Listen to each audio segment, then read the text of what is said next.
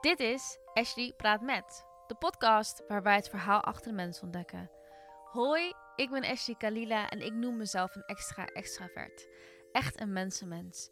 En door de pandemie miste ik sociaal contact enorm. Dus ben ik de podcast begonnen om opnieuw verbinding te maken met mensen. Verwacht echte, diepgaande gesprekken die inspireren, je raken, je aan het denken zetten en ook nog eens erg interessant zijn. Volg de Instagram at Praat met podcast en delen met je vrienden is natuurlijk hartstikke leuk. Ben je echt mega fan, dan kan je ook een donatie schenken. Ga naar www.ashleypraatmetpodcast.nl forward slash doneren voor alle info. Elke euro wordt natuurlijk enorm gewaardeerd. En nu geniet van de aflevering en ik hoor graag wat je ervan vond. Hallo. Hallo. Ja, ik heb het tegen jou, hè? Ja, ik denk, je hebt naar de luisteraars. Dat kan natuurlijk ook. Kan ook. Zullen we Ja. even hallo zeggen tegen de luisteraars? Hallo, lieve luisteraars. Zo Hallo, lieve luisteraars. Ja. Ja, dat doe je wel, hè? Ja. ja. Hoe voel je je? Eh, goed, enthousiast, eh hyped. We zijn, we zijn met mooie dingen bezig, dus eh, ja, ik voel me goed. Hoe voel jij je? Ik eh, voel me een beetje warrig. Ja, En Je bent toen op vakantie, zei je.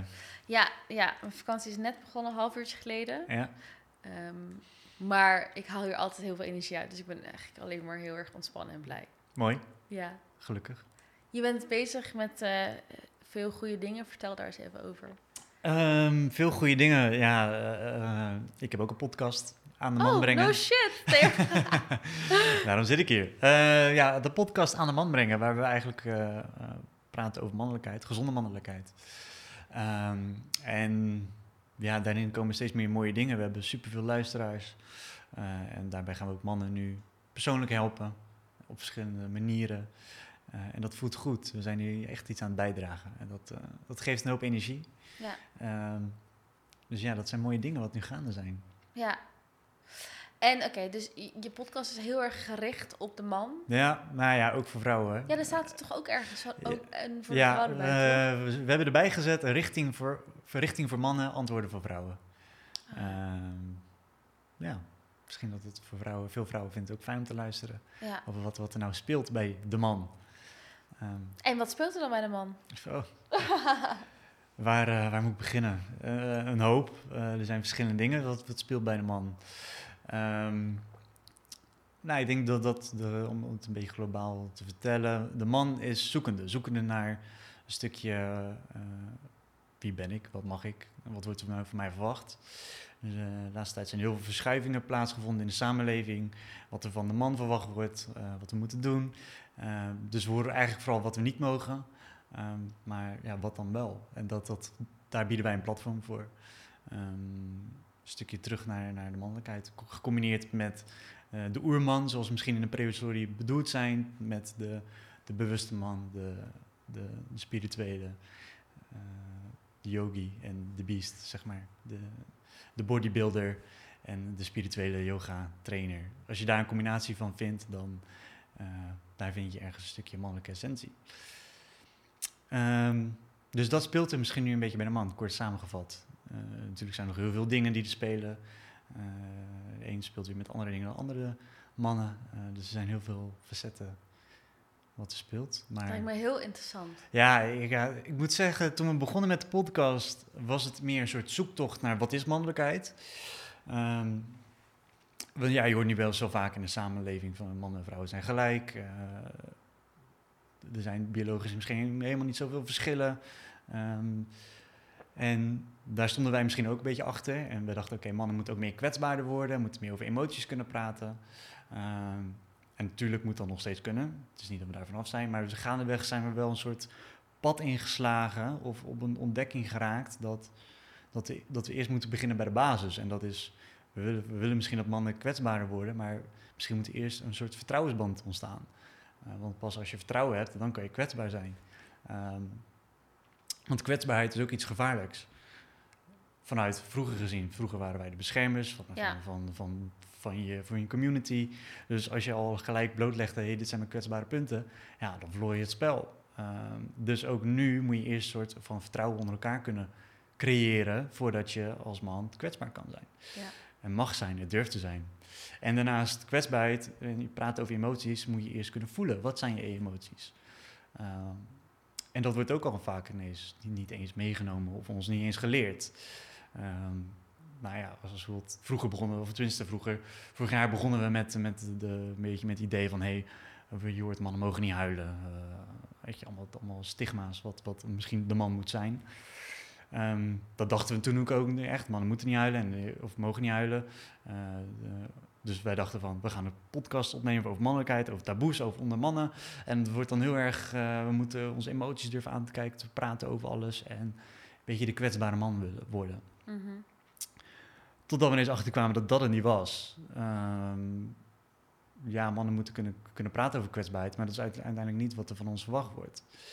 Uh, praten over kwetsbaarheid in een vertrouwensgroep is al een hele andere setting dan zomaar praten over je kwetsbaarheid.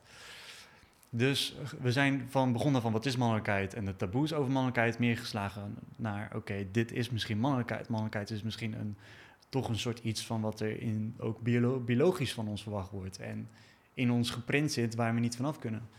Um, en daar hebben wij heel veel over geleerd, een hele ontdekking over gedaan. En dat zijn we nu een beetje aan de man aan het brengen.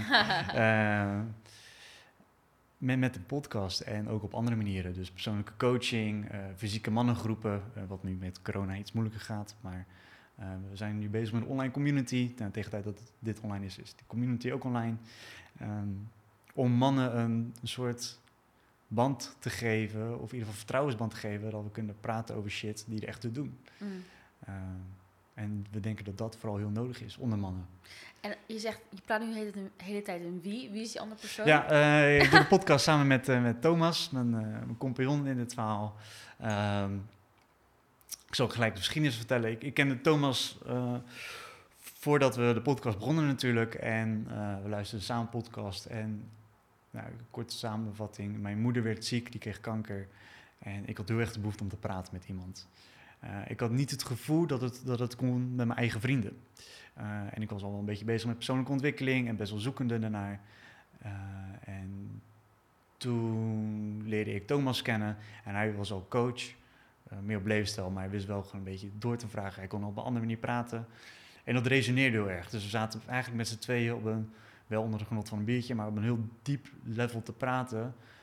Wat ik niet kon met andere vrienden, uh, maar wel gewoon heel erg veel behoefte aan had. En zo ontstond ook het idee van de podcast. Hey, wij praten nu op een manier wat wij zien wat niet bij andere mannen kan. Uh, dus hier moeten wij iets, iets mee gaan doen. Of iets over gaan praten of gaan vertellen of aanstippen. Um, dus da daardoor is het ook een beetje ontstaan. En zo ben ik met samen dan met Thomas die podcast begonnen. Ja. ja. Echt heel tof. Ja. Ik vind het heel interessant dat je dit bent begonnen, want ik ben dus vorig jaar, toen het net, net voor de lockdown en zo, toen het allemaal nog wel kon, ja. ben ik bij een, het was een soort, ja, niet een soort lezing, maar iemand ging vertellen, een vrouw ging vertellen over haar leven. En het was een soort meeting. Het was gewoon heel mooi. Maar ja. alleen maar vrouwen. En het ging heel erg op over wat is vrouwelijkheid en, en over ons plek als vrouw zijn, ons plek vinden in de wereld. En ik zei van, maar wacht eens heel even. De mannen hebben het ook echt heel zwaar. Mhm. Want het is heel tof dat een vrouw, zeg maar, dat de vrouwen zichzelf tussen haakjes hebben gevonden en veel meer voor zichzelf opkomen. Zeker. En dat is heel goed. Maar inderdaad, er, er is een soort zee aan mannen die, die in, de raar, in de war raakt daarvan.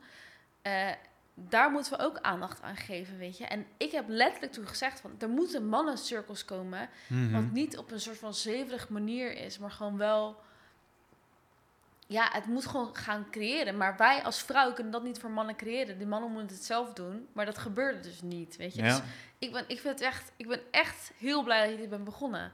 En ik hoop dat de mannen die aan het luisteren zijn, dat ze alsjeblieft jouw podcast gaan luisteren. Ja. Want het is gewoon nodig. Ja, en ik snap wat je zegt. Hè. De, de uh, mannencirkels klinkt zweverig. Um, daarom noemen wij het ook geen mannencirkel. Uh, wij noemen het krijgerschap. Uh, krijgerschap slaat dan op de archetype van Carl Jung. we hebben als man allemaal een krijger in ons. Vrouwen ook hoor, maar daar niet van. Maar, um, en in die krijger is, is eigenlijk gewoon shit durven aan te kijken die in je leven spelen. Ja. En daar niet omheen lullen. dus We gaan niet als een groepje mannen om een kampvuurtje heen zitten en praten van hé, hey, oh ik heb het zo zwaar en ik heb een kutleven. Dat is leuk, mag je zeggen, eh, maar hoe de fuck ga je het oplossen? Eh, hoe ga jij je shit aankijken dat de volgende maand als je hier komt, dat je dat gefixt hebt in je leven? En hoe ga je het doen? En vooral niet de schuld bij de ander leggen, maar kijk eerst naar jezelf voordat je de schuld of die vinger wijst van oh ik heb het zo zwaar of ik heb een kutbaan. Daar zitten we ook niet op te wachten. Dus ja, kijk, ik snap dat, dat er voor veel mannen nog een soort drempel is als je het praat, als je het hebt over uh, verbinden of praten over gevoelens. Uh, maar ook dat is een gevoel. Waarom vind je het kut om over je gevoel te praten? Dat is al een vraag. Uh, ja, ja, ja. ja ja, daar zit iets confronterends. Daar zit een pijn die je niet durft aan te kijken. Durf die eens aan te kijken voordat je uh, gaat klagen of over andere dingen gaat praten.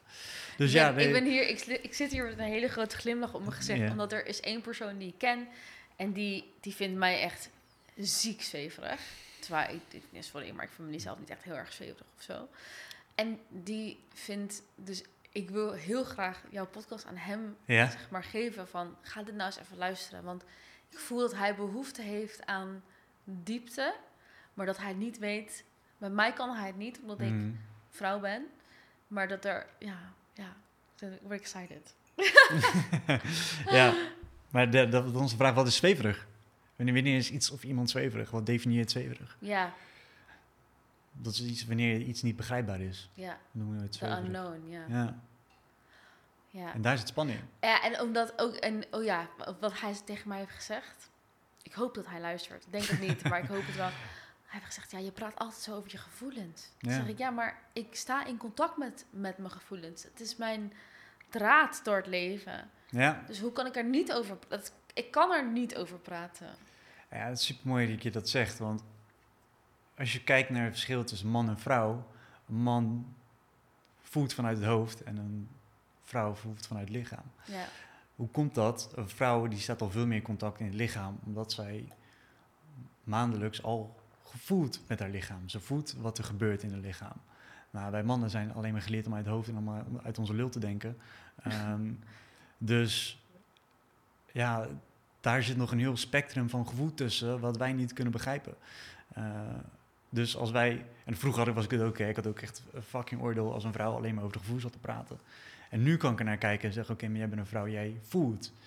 Ehm, en een man die is meer rationeel vanuit het hoofd bezig. Als je ook aan een man vraagt, hey, hoe voel je je? Uh, is het ook vaak, moeten ze, gaan ze erover nadenken. Ik denk dat ik me, nee, niet denk, voel. Wat voel je? En dat is al een soort van kronkel die je dan krijgt met voelen. Hè? Dus ja, daar zit nog gewoon zoveel te leren voor mannen, uh, zonder daar gelijk een oordeel over te hebben, omdat een vrouw dat wel doet. Um, dus ja, je praat over gevoel. Is dat dan zweverig? Eh, maakt dat dan zweverig? Of is dat iets omdat jij dat nog niet geleerd hebt? Dat, dat is een hele andere vraag. Dus als die luistert, uh, ja, probeer te voelen. Ga zitten en voelen. Ja, dat, is, dat, dat is echt, dat is veel te ver weg voor hem, denk ik. Maar ja. people, can be, people surprise me sometimes. Dus we zien het wel. Ik ga hem gewoon heel stiekem jouw podcast doorgeven. En zeggen, dit moet je even gaan luisteren. Kijk wat je hiervan vindt. Oh ja, ik ga vragen. Oké, je vindt mij zweverig. Ga dit luisteren. Kijk wat je hiervan vindt. Ja, nou ja, ik heb afleveringen...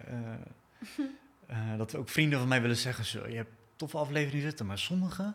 Dat is zo fucking zweverig. Ja, prima. En dat, dat is ook oké. Eh, ik snap ook dat best wel veel afleveringen zweverig zijn. Ehm, maar dan is dat op dat moment niet voor jou. En dan is dat ook oké. Ja. Dan, dan spreken we dat misschien de man aan die daar al wel behoefte aan heeft. Dus we proberen ook niet heel eenzijdig te zijn. Dus we zijn, weet je, we praten met een, uh, iemand die bijvoorbeeld heel erg uit het hormoongebied komt, die over testosteron kan praten. Maar we praten ook met iemand die helemaal uit de tantra komt. Uh, we praten met een relatiecoach, maar ook met een businesscoach. Dus we pakken alle domeinen waar iets van mannelijkheid in voor kan komen. Ja, wat eigenlijk gewoon alles is, toch? En alle domeinen. Zeker. In overal zit, een, zit, een, vorm van mannelijkheid en, en vrouwelijkheid in. Ja. En dat proberen wij vanuit het mannenperspectief te belichten. Ja, ja echt heel tof. Welke, welke, je hebt ingeluisterd vooral? Ik heb die, die dus, de laatste die online was toen ik ge, ik ging vanochtend luisteren met Ja. Jan Geurts. Mirjam Geurts. Ja, Ja. dan heb je ook wel gelijk een zweverige te pakken, zeg. Ja, oké, maar dat zeker. Maar ja. Ja. ik hou van zweverig. Ja. Maar, en ook, ik, ik vind Jan Geurts is gewoon een heel bijzonder mens. En ik heb Zo. zijn boek gelezen, Verslaafd aan Liefde. Mhm. Wel in het Engels, want Nederlands niet mijn eerste taal. Maar het is gewoon heel bijzonder. Gewoon een bijzonder wezen. Een bijzondere man, weet je. En ehm, ik vond het heel tof om te zien dat jij hem hebt geïnterviewd. Ja. Hij staat nu ook gelijk op mijn lijstje. op. Ja, je gaat hem mailen? Nou, misschien nog niet. Maar ik ga hem wel vragen, ja. Maar Leuk. wanneer dat is, dat weet ik niet. Vind je het spannend om hem eh, uit te nodigen? Ja, ja, ja, ja. Ja. Maar dat is goed. Spanning is goed. Zeker weten. Ik bedoel, eh, toen wij een jaar geleden begonnen, dachten we ook, eh, ooit gaan we Jan Geurts uitnodigen. En eh, het is gebeurd. Hij is geweest. En, eh, of wij zijn bij hem geweest. En dat was wel echt een hele toffe aflevering. Ja. Ja. En je hebt vandaag een webinar gegeven. Nee, gisteren. Gisteravond. Oh. Oh, dan heb ik het net pas gezien op Instagram. Ja, nee, gisteravond heb ik de webinar eh, Waar ging het gegeven. over? De Mr. Nice Guy. Oh ja. Stop de Mr. Nice Guy. Ehm, en dat gaat over mannen die ja, meer aan het pleasen zijn. De, de, de pleaser in de relatie. Ja. De, de ik moet heel lief zijn, want dan word ik eh, gewaardeerd. Dus de man die, eh, die eigenlijk zijn vriendin of vrouw op de, op de voetstuk zet en eh, eerst haar behoefte voorziet voordat hij zijn eigen behoefte gaat voorzien. Dus zichzelf vooral wegcijfert, terwijl hij daardoor weer heel veel ruzie krijgt. Ehm, vaak het gevoel heeft dat hij op glasscherven loopt. Of ja, wat, wat nog meer. Eh, de, de Mr. Nice Guy leeft met, met het stigma: als ik lief en aardig ben, dan word ik ge- geliefd Ja. en gewaardeerd. Eh, en als ik andere mensen waardeer, dan krijg ik waardering terug. Terwijl zo werkt het niet in het leven. En ehm, met, die, met, met, dat, met dat patroon of overlevingsmechanisme eh, zijn heel veel relaties wat ik zie bij mannen die daardoor een beetje moeilijk gaan. Ja. En ik kan het weten, want ik was zelf een Mr. Nice Guy. Ja, je, Dus- noemt je, nu, je noemt jezelf nu ex-Mr. Nice Ex Mr. Guy. Nice Guy. Nou, ik kan je vertellen dat af en toe nog echt wel eens een keer patronen naar boven komen van een Nice Guy syndroom. Ehm, maar ja, vergeleken met wat ik, wat ik eh, toen was, was ik wel echt... eh, eh, Oeps. Alles mag hier. ja, alles mag, ja, ja. Dus ook als je moet plassen of zo, ga maar gewoon. Ik Ja, nee, ik ben net geweest. Nee, ehm, maar goed, ja, nee, ik, ik was wel echt een nice guy. Dus ik deed heel erg mijn vriendin heel erg pleasen toen de tijd, met mijn ex. Ehm, ik deed alles eraan om haar niet boos te maken. Eh, dus wat ik daardoor ging doen, is ik ging ook liegen. En ik dacht altijd van, ik doe dat uit, eh, ik wil jou niet boos maken. Maar eigenlijk was ik gewoon een fucking manipulator. Ik, eh, ik vertelde wel halve waarheden. Ik, eh, ik loog gewoon, ja, gewoon als... Om een voorbeeld te geven, als zij bijvoorbeeld een, eh, een heel basaal voorbeeld hoor, maar zij zou binnenkomen in een nieuwe broek en zeggen ze een mooie broek en het is een fucking lelijke broek, zou ik zeggen nee, het schat, tuurlijk, het is een super mooie broek. Ehm, terwijl, ja, hoe eerlijk ben je dan? Ben je dan nog wel ooit de echte persoon die je bent, of ben je je aan het voordoen en doe jij je iets wat je verwacht dat de ander wilt dat jij bent? Ja. Ehm, En dan kan je eigenlijk ooit nooit, ook nooit echt verbinden met iemand anders. nee, Want je bent niet je echte zelf. Dus hoe kan je dan met een ander persoon echt in connectie zijn? Ja. Dat kan niet. Nee, nee. En daardoor doen we ook als man alles, die behoeften, doen we al vervullen van een vrouw. En dan gaan we ook proberen alles te vermijden. Dus we gaan conflicten uit de weg. Dus eh, we doen er alles aan om haar niet boos te maken. Of, eh, en we zijn al heel moeilijk met eigen behoeften te uiten. En daardoor maken we een soort, eh, we noemen het geheime contracten. Dus eh, wat ik bijvoorbeeld deed, dan ging ik heel het huis opruimen, eh, eh, schoonmaken. Op de hoop dat zij dan thuis zou komen, boodschappen gedaan zou hebben, zodat we daarna ook eten konden maken. Maar goed, niet uitspreken dat ik zou zeggen van hé, hey, jij moet boodschappen doen, want ik heb. Dus ik ging een soort van met mezelf die afspraak maken, een soort geheim contract. Ik doe dit allemaal Ja. en verwacht dat zij dat, dat doet. En dan kwam ze thuis en had ze boodschappen niet gedaan. En dan ging ik mezelf fucking opvreten. Van godverdomme, ik heb alles haar gedaan. En eh, ze doet nooit wat voor mij en dit, dat. Ik ga wel weer boodschappen doen. En dus ik ging weer gefrustreerd de deur uit. Ja. Terwijl zij gewoon dacht, hey, chill, alles is gedaan. Ik kom terug van een lange dag. En, eh, En hij Eh, gaat ook nog even boodschappen en dan gaat ook nog een boodschap. Dat is chill. Wat een topvent. Terwijl ik mezelf ga lopen opvreten. Want ik denk van, ja, jij doet nooit wat. Maar ik spreek er niet uit. Ehm, dat is dan bijvoorbeeld een geheim contract die je doet. Dus, eh, nou ja, als ik dit doe voor jou, zonder te vragen... dan doe jij dit voor mij zonder dat ik het hoef te vragen. Nou, als, je, als ik dat vertel, dan denken mensen al, ja, tuurlijk werkt dat niet. Want niemand kan weten eh, wat jouw behoeften zijn. Dus ook daarin leren je behoeften uitspreken is voor nice guys heel moeilijk. Dus doen we maar alles aan om de andere behoeften van de ander te voorzien, zonder onze eigen behoeften te voorzien. Dus daar ging die webinar over. Van hoe kun je als man stoppen met jouw Mr. Nice Guy patronen in je relatie te vertonen, waardoor je eigenlijk meer in je eigen kracht staat. En ook dat wilt je vriendin. Die wilt ook dat je, jij je mening hebt. zij wil niet dat jij een soort van een volgeling van haar wordt. En ehm, ja, dat je, dat je een soort gaat behandelen als, een, als, als iemand op een voetstuk en als een soort tweede moeder. Ehm, en daarom heb ik daar een webinar over gegeven, omdat het voor mij een heel lang proces is geweest. Ja. Uh, en ik merkte ook gisteren wel meer met mannen dat het ook. Uh, ja, het, uh, ik denk dat het, weet je, niet voor niks de uitspraak onder de plak, toch? Of onder de duim, wat is het? Onder de duim. Onder de duim. Ja. Ja. Happy wife is a happy life. Ja. Dat is ook iets wat je vaak hoort. En alsof dat dan een missie is. Van ik moet haar gelukkig maken. Ja om conflicten niet uit de weg te gaan, om uh, geen problemen te hebben. En dan is mijn leven super smooth. Nou, ja. kun je vertellen, geen enkele relatie of is super smooth. Dus dat hoort er gewoon bij. En ja, ja nice guys doen er alles aan om dat uh, uh, te, te verbergen. Um, en ja, ik was zelf ook zo. Ja, ja, maar dat, ik wil net zeggen, want jouw energie is echt jouw lichaamstaal. Oké, wacht. Wij kennen elkaar zeven, acht jaar geleden, zoiets toch? Ja. En, maar we hebben elkaar niet heel vaak gezien. Misschien twee, drie keer, denk ik. Oh, dat weet ik niet meer. Nou, niet vaak. nee, niet nee. Vaak. nee. Al bij een hotel. Ja. ja, nou, ik heb er uiteindelijk niet gewerkt, maar maar niet. Um, maar toen was jij echt in je energie zo'n ander mens dan nu. Ja? Ja, echt. Echt. geloof ik wel, ja. Ik wil, eh, ja, ik wil het woord zwak zeggen, maar het is niet zwak. Het is een soort van ja, het is fucking pussy. Ja, heel, nee. een soort van onderdanig. Ja. ja. Ja. nee, dat kan ik me goed voorstellen. Dat, was, dat was mijn, mijn overlevingsmechanisme toen. Ehm, en lang geweest ook. En toen was ik in die relatie waar ik echt dat was. Die Mr. Nice Guy. Uh, mezelf wijsmaken ook dat ik het brave, lieve jongetje was. Maar in mijn relatie echt volop veel loog. Uh, over, uh, over wat ik had gedaan, over waar ik was, over, over, omdat ik conflicten ging vermijden. Terwijl, en de volgende stap voor mij was vreemd gaan. En dat klinkt dan heel ver weg, omdat je de lieve, brave jongetje zijn. Maar je was al fucking veel aan het liegen. En ik was al, al haar voor de gek aan het houden. Dus vreemd gaan was eigenlijk maar een hele kleine stap. Um, maar op dat moment was het voor mij een hele grote stap. Want ik zou dat nooit doen, want ik ben een brave, lieve jongetje. Um, dus je bent vreemd gegaan en toen heb je het verteld? Of? Uh, nee, ik heb het niet gelijk verteld. Ik heb het wel gelijk uitgemaakt daarna.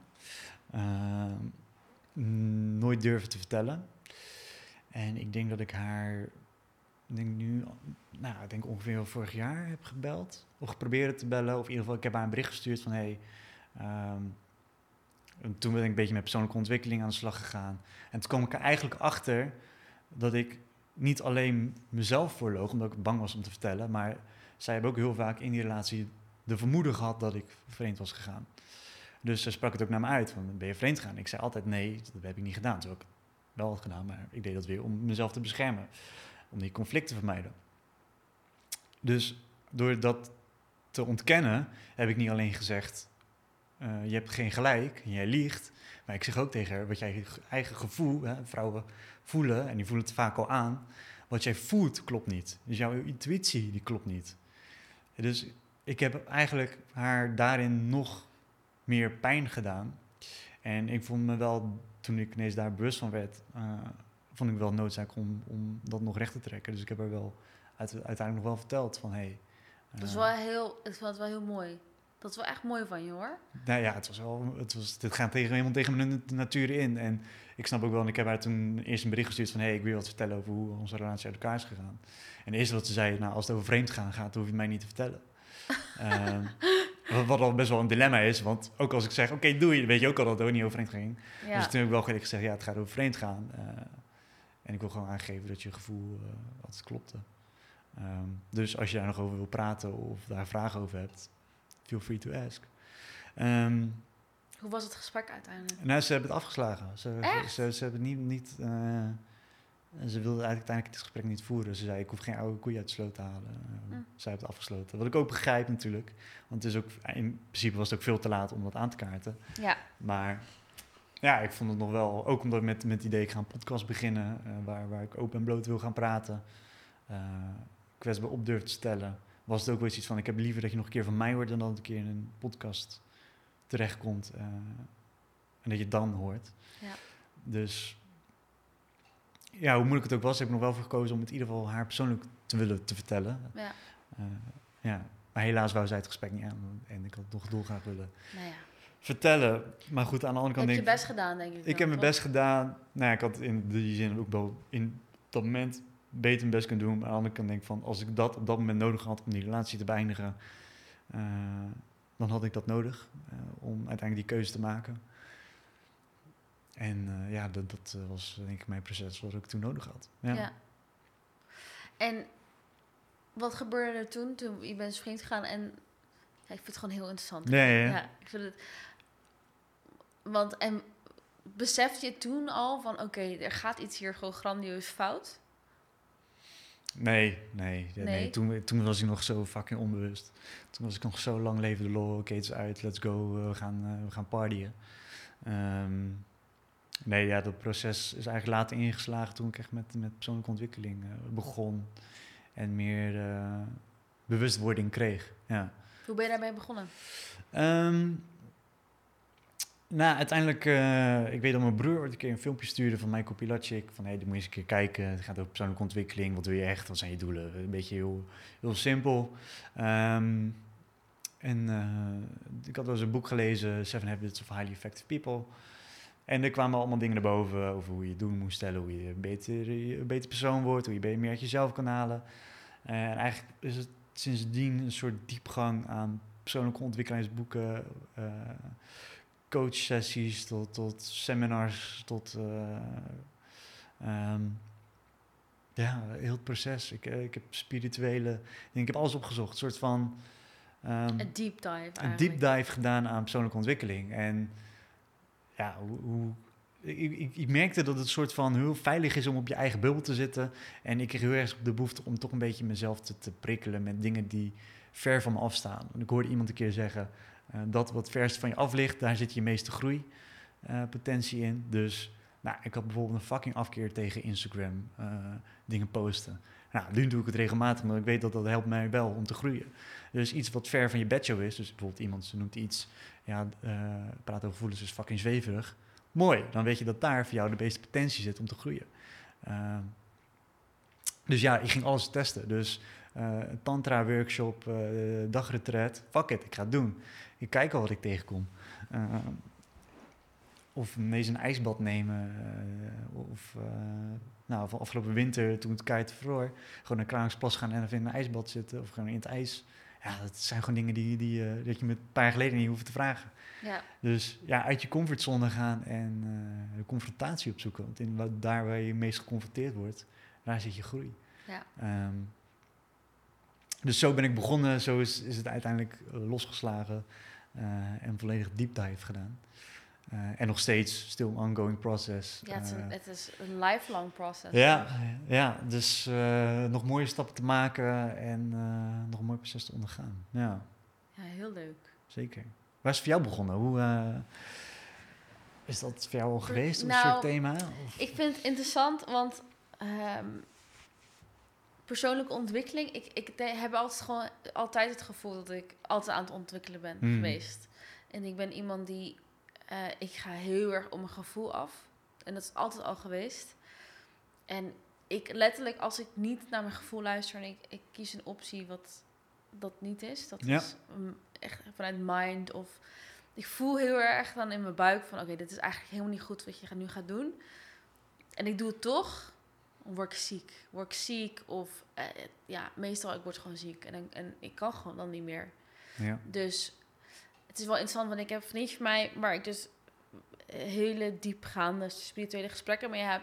En zij zegt gewoon van Ash, maar waar, waar heb je dit geleerd? Waar, wat voor boek heb je hierover gelezen? Of whatever. En dan denk ik, ja, nee, dit is gewoon... Wat uit je intuïtie... Uh, ja, de, de, mijn, mijn intuïtie is zeg maar zo sterk en Mhm. mijn... Ik wil heel graag een EQ-test gaan doen en een Emotional Intelligence Mm. eh, test gaan doen, want mijn EQ is echt sky high. Ja. Ja, ja. Ik kan mensen zo fucking goed lezen. Mm. Weet je, dat, ik, vind het, ik vind het tof. Oké, ik werk heel erg met de podcast werken wij met archetypen. Ja, Eh, je hebt archetypen van mannelijkheid en je hebt archetypen van vrouwelijkheid. En een van de archetypen van vrouwelijkheid is de witch, de heks. Ja, Eh, en nu hebben wij het idee dat de heks vaak een slecht iets is. Maar juist de heks is juist, eh, voor vrouwen de inner witch is juist het, het, het aanvoelen of je uitgaan van je intuïtie is juist voor de vrouw iets, een soort natuurlijk proces of een Ja. natuurlijk, natuurlijke kracht die, die iedere vrouw in zich heeft.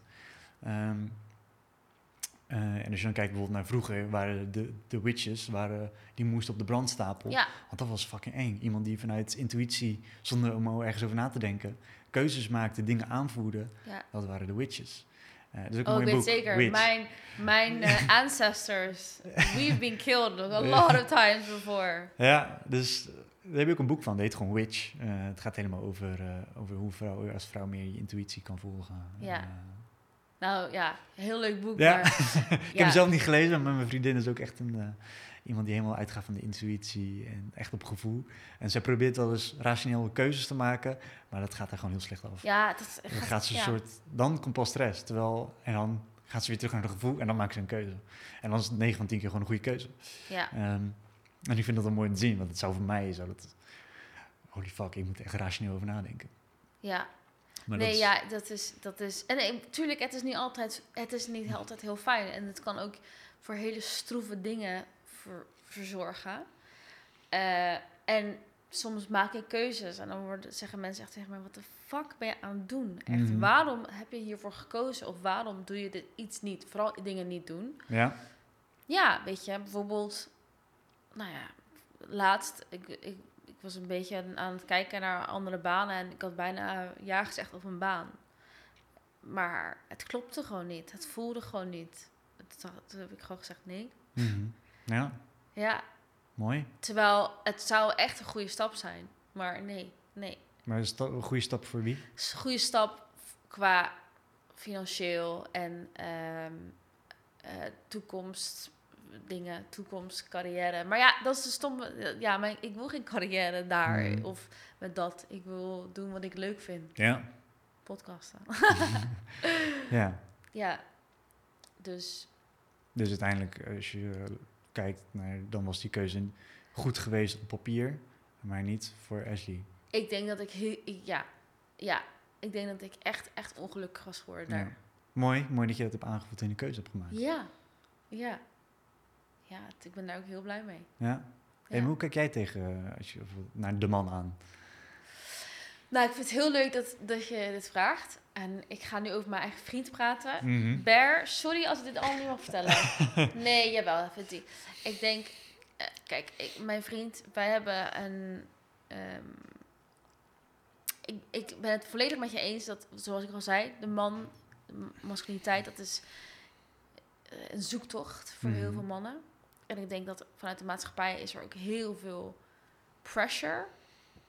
Want je moet goed verdienen, je moet er op een bepaalde manier uitzien, je moet fit zijn, je moet sociaal zijn. Het is, er zit echt wel heel veel pressure op voor mannen.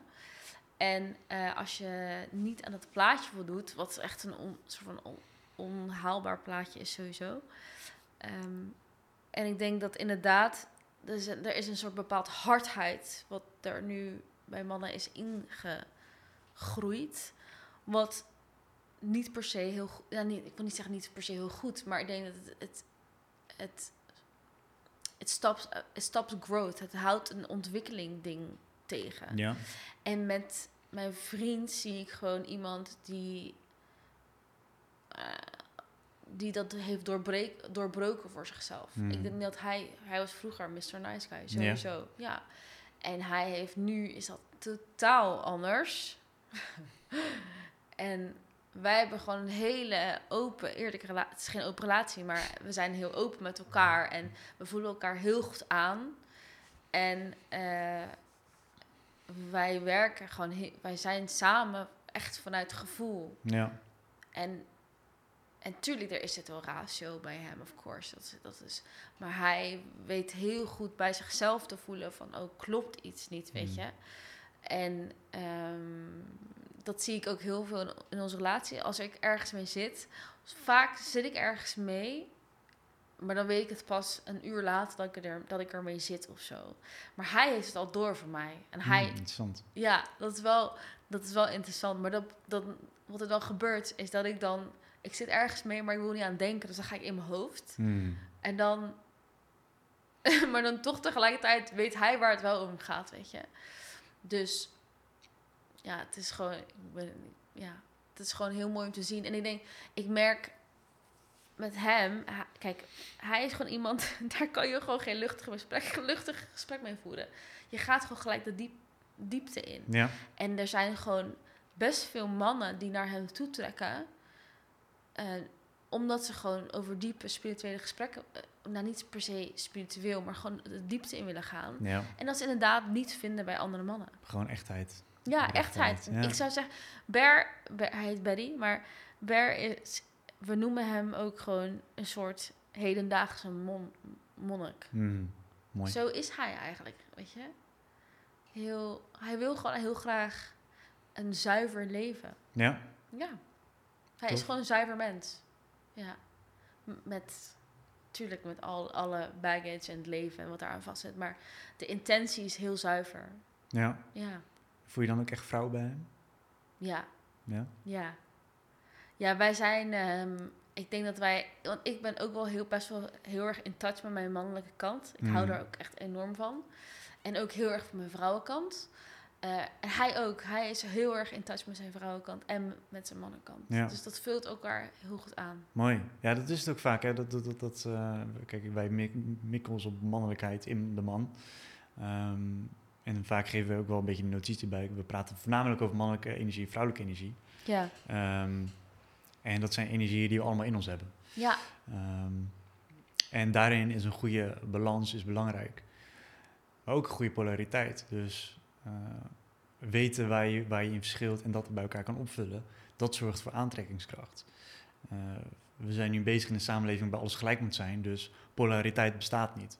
Terwijl alles in de natuur heeft polariteit. Ja. Yin, yang, eh, dag, nacht. en het is niet zwart-wit, want de, daartussenin zit een heel spectrum qua mogelijkheden. Maar het een uiterste trekt het andere uiterste aan. Je moet een soort magnetisch veld zien waardoor je, waardoor je iets aantrekt. Ja. Ehm, we zeggen ook vaak dat je als je een man bent en je, wilt, je valt op hele feminine vrouwen. Dus echt een vrouw die volledig haar intuïtie volgt. eh, het fijn vindt dat, dat, jij betaald wordt eten, ik zeg maar wat. eh, en echt haar, zij vrouw kan zijn. Dan moet je daar niet op proberen te gaan versieren. Nee, dan moet jij eigen mannelijke essentie werken. Want dan word jij een tegenpol van wat jij wil aantrekken. Ja. Ehm, en ja, dat, dat geven we vaak, vaak bij als side note. Als, als, als je praat over mannelijkheid of vrouwelijkheid. Het, het zijn ook wel een beetje... Het snijdt ook wel tegenwoordig in deze eh, samenleving. Ehm, dus ja, nee, ik vind het wel mooi dat je daarin al een mooie balans hebt ja. gevonden. Ja.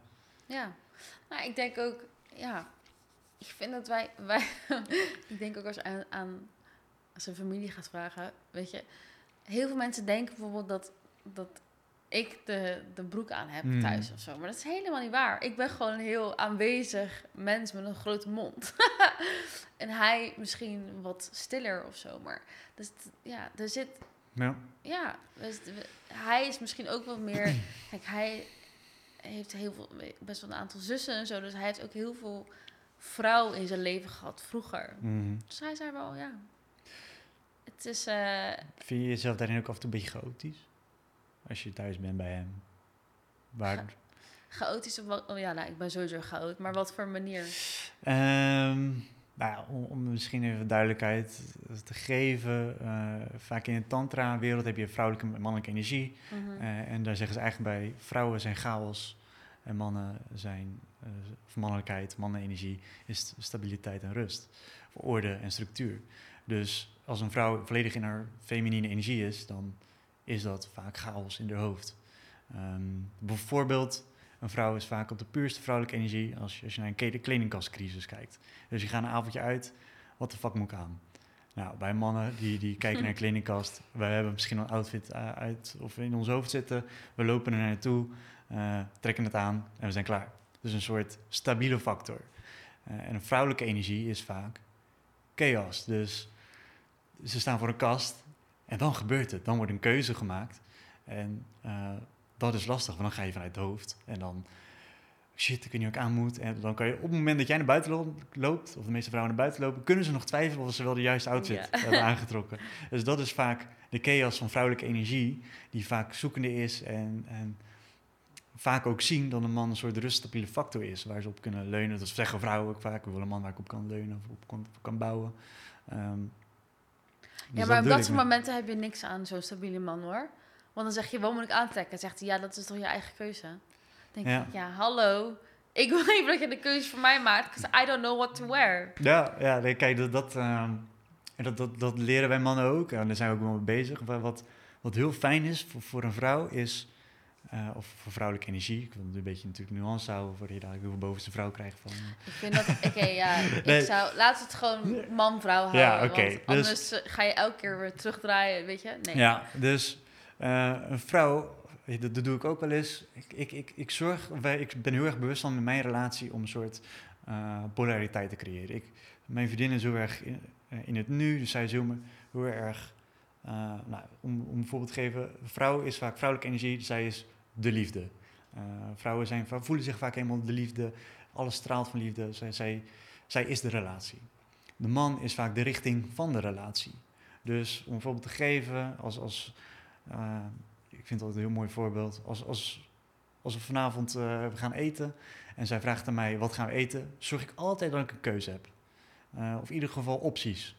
Dus zij hoeft eigenlijk niet, zij kan een soort van ontspannen in haar vrouwelijkheid, ze hoeft geen keuzes te maken. Of in ieder geval, uh, nou niet dat zij geen keuze mag maken, want ook als zij zegt tegen mij, ik heb hier zin in, dan eten we dat. Maar ik, eigenlijk, ik kom altijd met een plan, dus ik zorg voor leiding in de relatie. en daarbij, als zij zegt van, hey, ik weet, ik weet het niet. Als je, als aan, aan, een vrouw vertelt, je mag een chocoladereep kiezen. Of dan gaat er al honderd verschillende types of merken chocola gaan al door het hoofd. Terwijl als je tegen een vrouw zegt, hey, je mag ik heb chocoladereep voor je, ik heb Tony Chocoloni of dit merk. Welk wil je? Dan is het al voor een soort rust en ontspanning van, oké, ik kan een keuze maken in een bepaalde beperking. Dus als ik tegen mijn vriendin zou zeggen, hey, we gaan vanavond iets eten. Uh, je mag kiezen tussen pizza en, en pasta dan weet ik dat zij voor pizza zou kiezen, maar dat is een ander verhaal.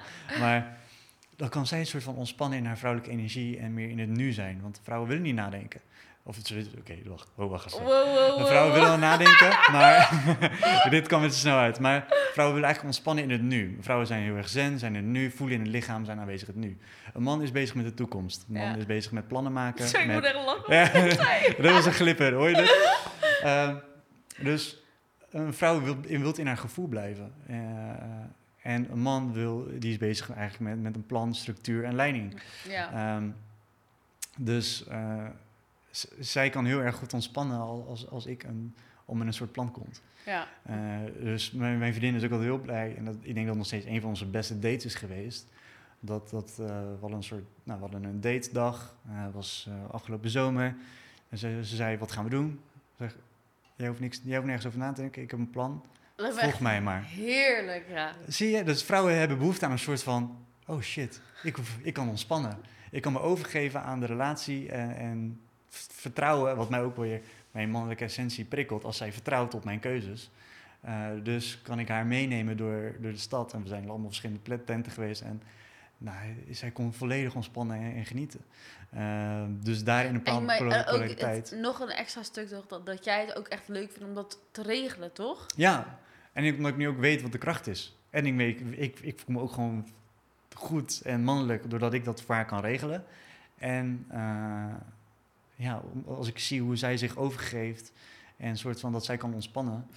Uh, ik moet lachen, omdat, weet je, ik ga volgende week eh, naar de Veluwe, een aantal dagen. Maar ik ben altijd degene die al onze vakanties en zo regelt. En ik denk, ik denk altijd van, het zou echt chill zijn als jij ook een keertje alles even regelt. Ja. En dat is precies wat je dan krijgt tussen mannelijke energie en vrouwelijke energie. Ja. Uh, als dat deel van jouw mannelijke energie is, uh, Want het kan inderdaad een keer zijn dat jij denkt van ja, maar nu wil ik een keer ontspannen. Doe jij het een keer. En Ja. dan daarin, dat is, het is, Dus Bear, als je aan het luisteren bent, plan die vakantie. fix die vakantie. Dus eh, het, blijft een soort, ja, ik noem het gewoon een soort dans van de liefde. Een spel tussen mannelijkheid en vrouwelijkheid. Eh, en weet je, als ik een keer geen zin heb om keuze te maken, zeg ik ook sorry schat, maar ik kan geen keuze maken. Jij moet nu een keer de draad oppakken. Eh, en dan doet ze dat ook met liefde. ja. Ehm, Wel, je Dus- bent wel, je hebt je wel gevo- ja, hoe je nou, je bent wel op een soort hele, zo, je bent wel op een hele interessante pad beland. ja, ja, ik moet zeggen. eh, Het voelt ook echt alsof je zo van, echt erop, uit de, uit de sky, zo van daar, hier ben je beland of zo. Echt opgevallen Ja. bijna. Ja, ja ik, ik vertelde je net al. We zijn begonnen met de podcast en het is nu een soort van. Het we begonnen als een soort van. We gaan gewoon praten. We vinden het leuk om met mensen in gesprek te gaan. Ja. En diep gesprek te voeren. Maar nu zijn we echt op een punt beland. waar we gewoon echt mannen helpen. Mannen die in de shit zitten. Problemen hebben met de relatie. Eh, Dat vind ik vooral interessant. Vooral die man-vrouw dynamiek. Ehm, en dan heb ik echt over mannelijk-vrouw. Want zijn ook. Ik, ik coach ook iemand die eh, homo is. Eh, en daar zit het met je ook. Er blijft een soort balans tussen mannelijke energie en vrouwelijke energie. Eh, en dat is gewoon super interessant. En dat is echt. eh, eh, ja, daar, is gewoon nog heel veel winst op te behalen. En dat is ook wel wat je dan nu ziet in de westerse samenleving, waarbij we heel erg naar gelijkheid willen gaan. Maar daarin gaan we een soort van tegen onze biologie, biologie in claimen dat, we, dat wij man, vrouw gelijk zijn. Ja, we zijn gelijkwaardig, maar we zijn niet gelijk. En daar moeten we echt voor waken, dat we niet een soort gelijk, gelijk, ja, gelijk worden. Gelijk, dat, dat we hetzelfde, elkaar als Ja, hetzelfde maar dat is ook van, het, het haalt ook echt iets weg van alle verschillen. Want de verschillen zijn ook zo mooi. Ja, zeker weten. En eh, kijk wat ik net zeg. En Als iedereen hetzelfde zou zijn, is het een beetje, wordt een beetje een saaie wereld. ja, en kijk, je kan het heel mooi vertellen. Ik had het net over bijvoorbeeld eten, als het gaat over eten vanavond. Kijk, als je bijvoorbeeld twee personen op de bank hebt zitten die allebei een volledige vrouwelijke energie hebben, eh, dan wordt er vaak geen keuze gemaakt. Van, ja, wat wil jij eten? Ja, ik weet het niet. Wat wil jij? Ja, ik weet het ook niet. Oh ja, ik, vind, ik heb hier veel zin in, ik heb daar wel zin in. Heb je twee mannelijke energie op de bank, dan heb je, ik wil dit. Nee, maar ik wil dit. Ja, maar ik wil dit. Nee, maar ik wil niet dit. Je, dus dat botst altijd. Dus die polariteit tussen man en vrouw, daar zit gewoon zoveel winst in. En juist als je als, je als gelijkenis op de bank zit, ja, dan word je ook totaal niet seksueel aangetrokken tot elkaar. Weet je, als ik met, met iemand op de bank zit die, die precies hetzelfde als ik, ja, ik ga niet... Ik ga niet Vind je jezelf niet sexy?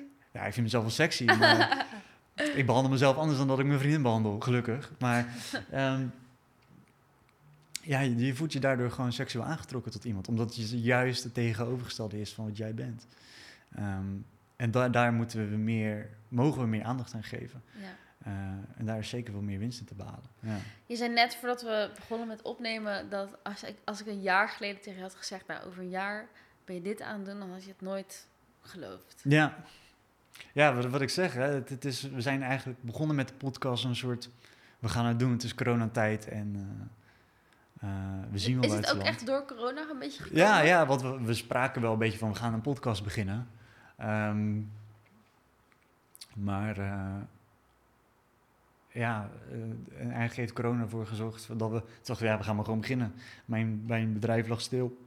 En ja, er ontstond ruimte, dus ja, we gaan het gewoon doen. Ja, Eh, en vind ik heel leuk, omdat mijn podcast is ook begonnen, sowieso door corona. ja, ik denk dat heel veel podcasts inmiddels zijn begonnen door corona. Ja, Dat ik weet op een gegeven moment dat we een eh, vierde microfoon wilden kopen, maar die waren overal uitgekocht omdat iedereen een podcast is begonnen. dus eh, ja, nee, ik denk veel. maar het, is, het is ook leuk. Het, is, het, zijn echte gesprekken, ja. ja. Wat, wat heb je een beetje staan? Wat zijn jouw toekomstdoelen, dromen? Mijn toekomstdromen. Voor je ehm, persoonlijk en ook voor eh, aan de man brengen. ehm, ja, vind ik een moeilijke vraag. Eh, omdat ik ook best wel voorzichtig ben geworden met, met ver vooruitkijken. Eh, een jaar geleden had ik, had ik hele andere doelen. En die werden met, door corona met twee gestrekt benen om me vandaan geschopt. Dus daardoor ben ik nu wel iets, iets voorzichtiger in, in doelen stellen. Oké, dromen dan. Ja, nou ja, ik zou het heel tof vinden om dadelijk met, eh, met aan de man brengen wel echt iets, ja, een soort begrip te worden voor, voor de man. Een een plek voor mannen om eh, een soort verbroedering op te zoeken met andere mannen. Ehm, ja, de plek voor de man om, om eh, eh, iets dieper te willen gaan dan dat ze misschien gewend zijn. Dan alleen bier drinken en praten over auto's en vrouwen. Ik zie jou ook de, gewoon van die mannenweekenden doen, dat je dan gaat bushcraften en zo. Dat zie ik. Ja, ja dat staat in principe ik. op de planning om dat te doen al. Ja. Uh, mannenweekenden, we zijn bezig met, eh, ja, met, met evenementen. Eh, in ieder geval online zijn we al bezig. Ehm, dus ja, nee, we, we zijn nu echt, echt de mannen aan het helpen. En het geeft echt fucking veel energie. Het is, ik ben ook daardoor juist een coachopleiding gaan doen. En nu men- mannen aan het coachen. Eh, helpen met, met shit waar ze mee zitten. Ja. Ja. Ik zie je ook echt stralen. Ja, ja, ik vind het super tof. Eh, om- omdat het ook gewoon echt een domein is waar, waar weet je, veel mensen denken, ja, waar moet ik bezig zijn met mannelijkheid of waar moet ik bezig zijn met vrouwelijkheid?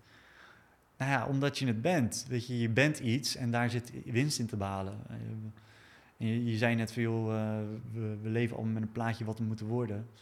Ehm, nou, weet je, ik zeg wel gewoon tegen mannen, het eerste als ze bij mij komen van, doe jij krachttraining? Ja, nee, hoezo? Ga fucking krachttraining doen prikkel je lichaam. Train je lichaam om spieren te kijken. Je hoeft, je niet uit te zien als Arnold Schwarzenegger of als Joe Beukers. Maar je moet wel gewoon zware gewichten tillen. Waarom? Het is gewoon letterlijk goed voor je testosteron. Je testosteron krijgt een boost door krachttraining te doen. Ehm, en ja, onze testosteronspiegel van mannen is nou eenmaal de laatste 30 jaar iets van 60% gedaald. Is dat zo? Ja. ehm, Wow. Dus daarin zitten er echt gewoon problemen. En we hebben een hormoonexpert gehad over, over testosteron. Eh kaalheid komt door testosteron te laag. Eh, minder bereid om risico's te nemen. eh, bierbuikjes.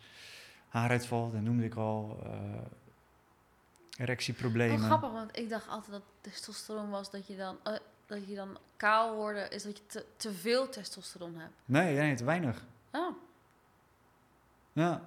Dus, Bear is kaal. Testosteron. Ja, kijk, het is natuurlijk bij man verschillend, maar Ja, de reden dat je sneller kaal wordt kan zijn omdat je te weinig testosteron hebt. Dus ja, krachttraining is gewoon voor mannen, train je fucking lichaam. Ga Het is ook gewoon heel erg lekker, toch? Het is gewoon heel lekker en we zijn, eh, we zijn, we zijn werkers, we zijn fysieke werkers. Dus we moeten onze lichaam uitputten. Dus acht uur per dag achter een scherm op je reet zitten is helemaal niet gezond voor ons. Ja. Ehm, en ik ken ook geen enkele man die gewoon naar me toe komt en zegt: Ja, ik heb een probleem, man. Oké, ja, wat dan? Ja, ik ben gewoon te sterk.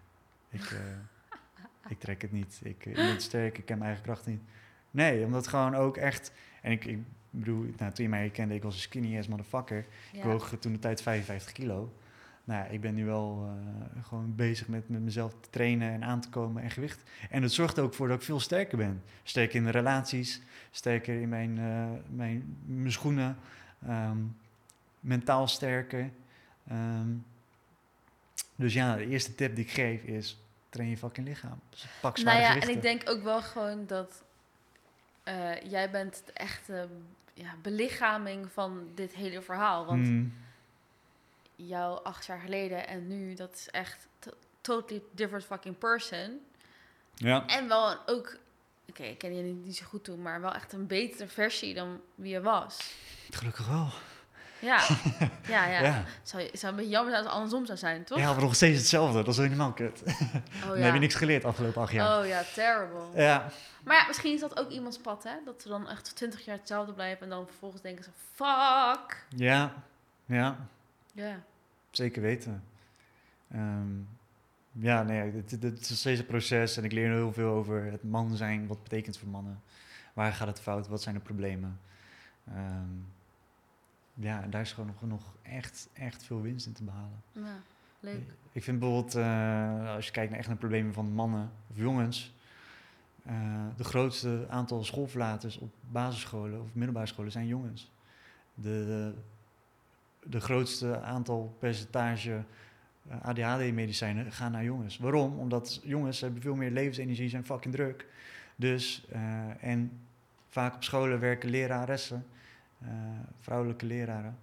eh, of leraressen, ik weet het allemaal niet meer hoe je het noemt. Maar, dus wat doen we? We douwen een Ritalin-pilletje erin om, om die mannelijke energie, die drukheid naar, naar beneden te krijgen. Ja. Ehm, we weten allemaal dat meisjes eerder volwassen worden dan jongens.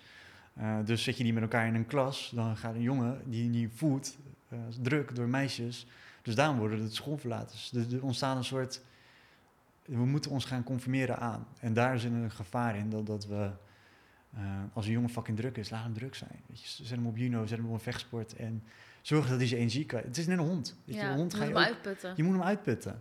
Je moet niet. eh, en ik heb er een. eh, een eh, dus in Amerika een karate-leraar. Het is echt een, een voorbeeld voor mij hoe hij met jongens omgaat. Ehm, hij, hij, hij put gewoon jongens uit. Dus hij heeft jongens die gewoon ADHD hebben.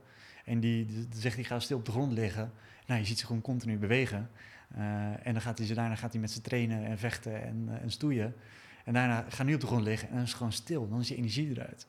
Dus ADHD is geen ziekte. Het is gewoon energie wat, wat, wat, Eruit moet. wat eruit moet. Ja. Eh, maar wat doen we in deze samenleving?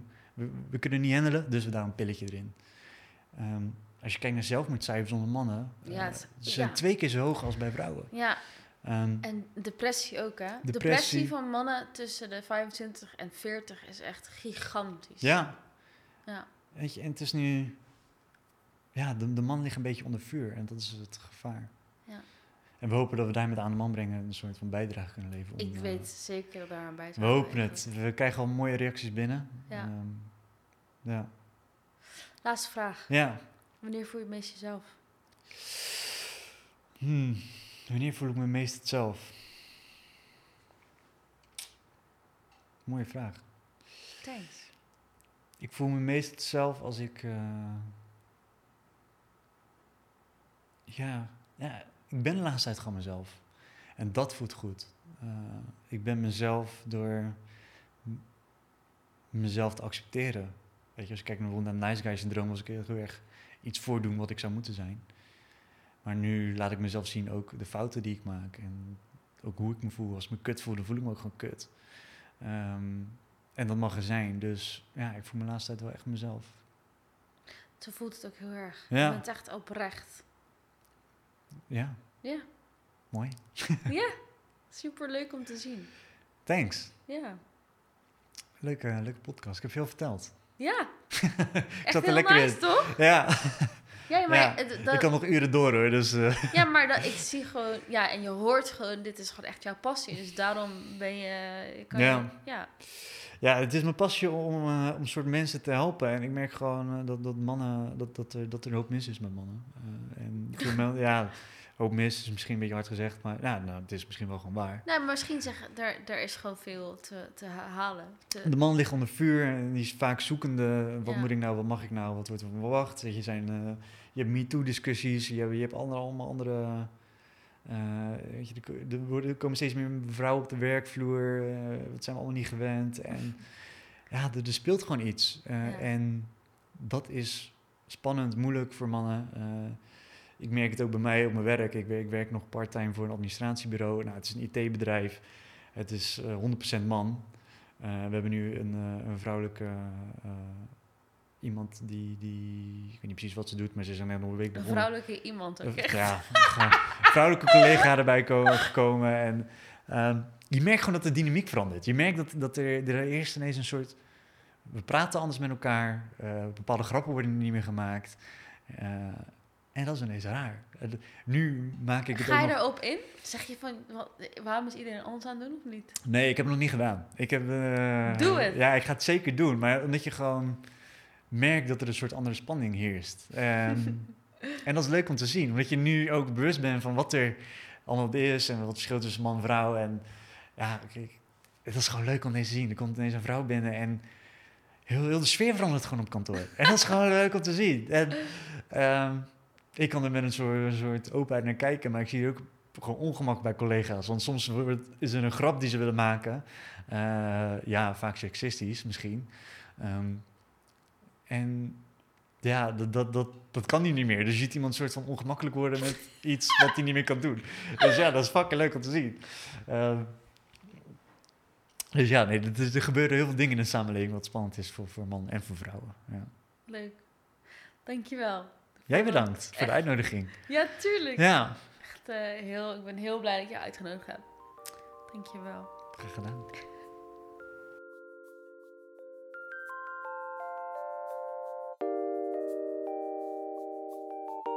Zo, dat was hem weer. Ik hoop dat je dit een interessant gesprek vond. Zo ja, wil ik je vragen om te abonneren op de podcast en ons te volgen op Instagram, Ashley Praat met Podcast. Delen en een review achterlaten wordt enorm gewaardeerd. Tot de volgende keer.